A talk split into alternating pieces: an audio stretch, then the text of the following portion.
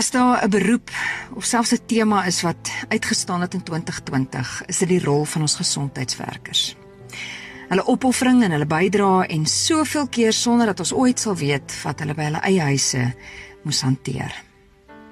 Verushka Weyers is al meer as 12 jaar lank 'n verpleegster en het haar passie in die neonatale intensiewe eenheid ontdek waar sy met babas werk wat te vroeggebore is, asook ander pediatriese pasiënte in ICU. In haar werk het sy al soveel keer gesien hoe die geboorte of dood van 'n kind 'n gesin se lewe ingrypend verander en daarom het sy nog altyd gevoel haar eie uitdagings is niks in vergelyking met dit waardeur hierdie gesinne moet gaan nie. Tot sy onlangs haarself op 'n plek bevind het waar sy nie meer haar eie pyn en swaar kry kan wegsteek nie. Haar pa is amper 30 jaar gelede met emfyseem gediagnoseer Nou hy so 8 jaar terug sy eerste beroerte gehad het, het sy gesondheid ongelukkig net meer en meer agteruit gegaan.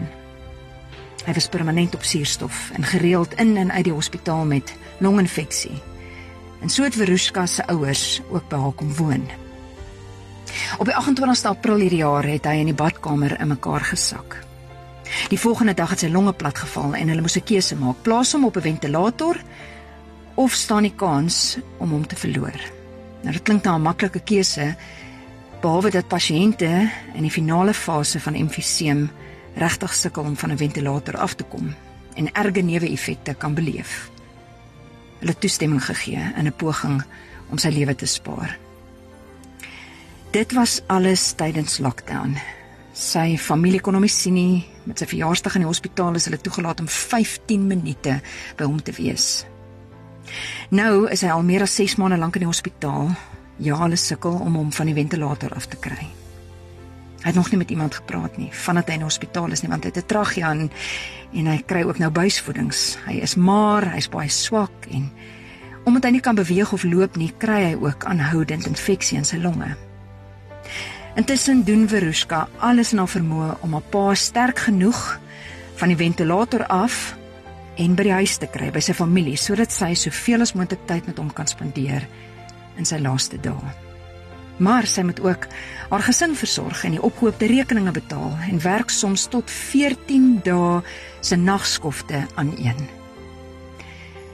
Ons is op die oomblik buitekant Verushka se huis waar sy woon saam met haar twee klein kindertjies in graad 1 en graad 2.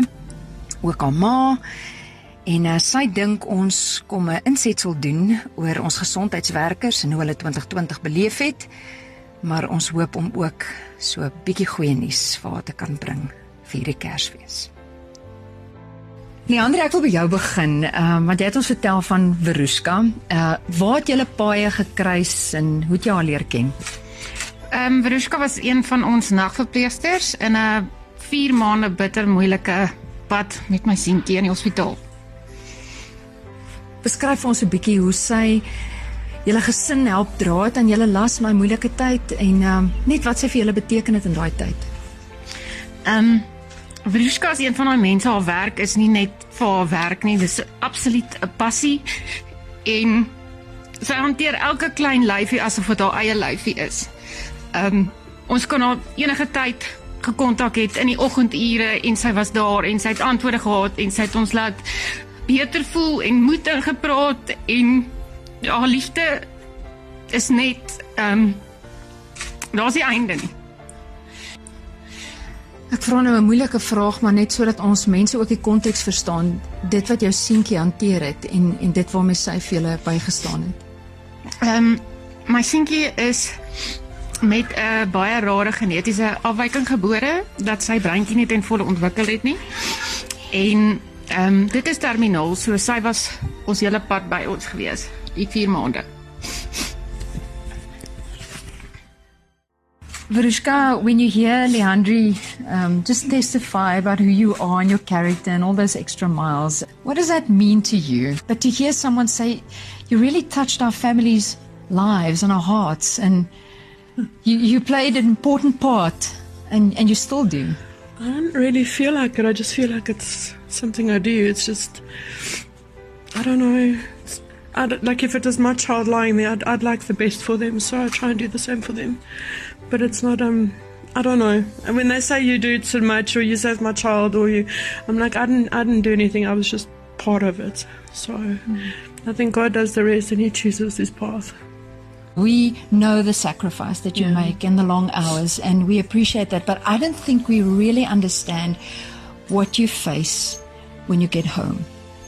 So 2020 has also been a very difficult year for you personally. Yes. Tell us a little bit about your dad. Oh, um, sorry. So in April 2020, um, the 28th, my dad collapsed in the bathroom and um, we found that his um, lung collapsed, which they didn't notice, and he's been in there since 28th of April.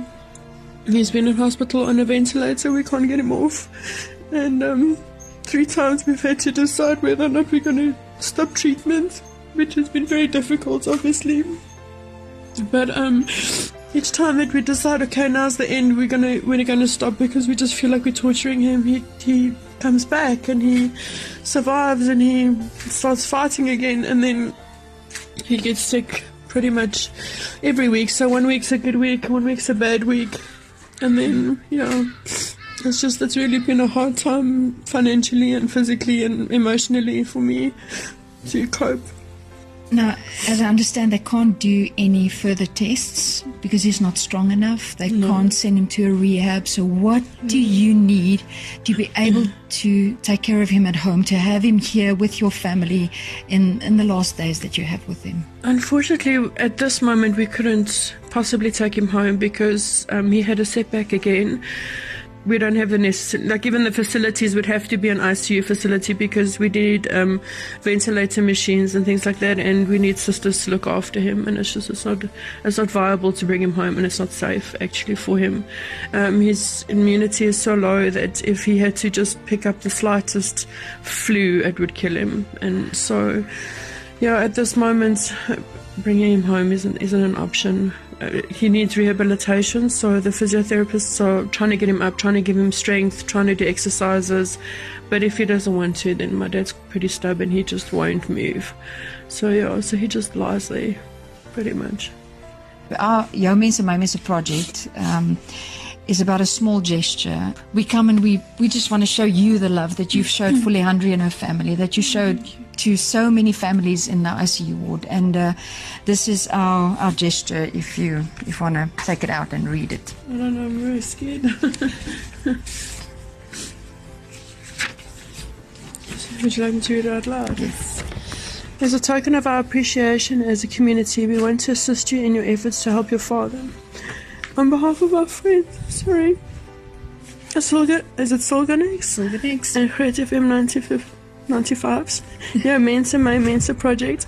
We hope that this donation of 20,000 rand, oh God, oh, get you help. Sorry. I'll just take over.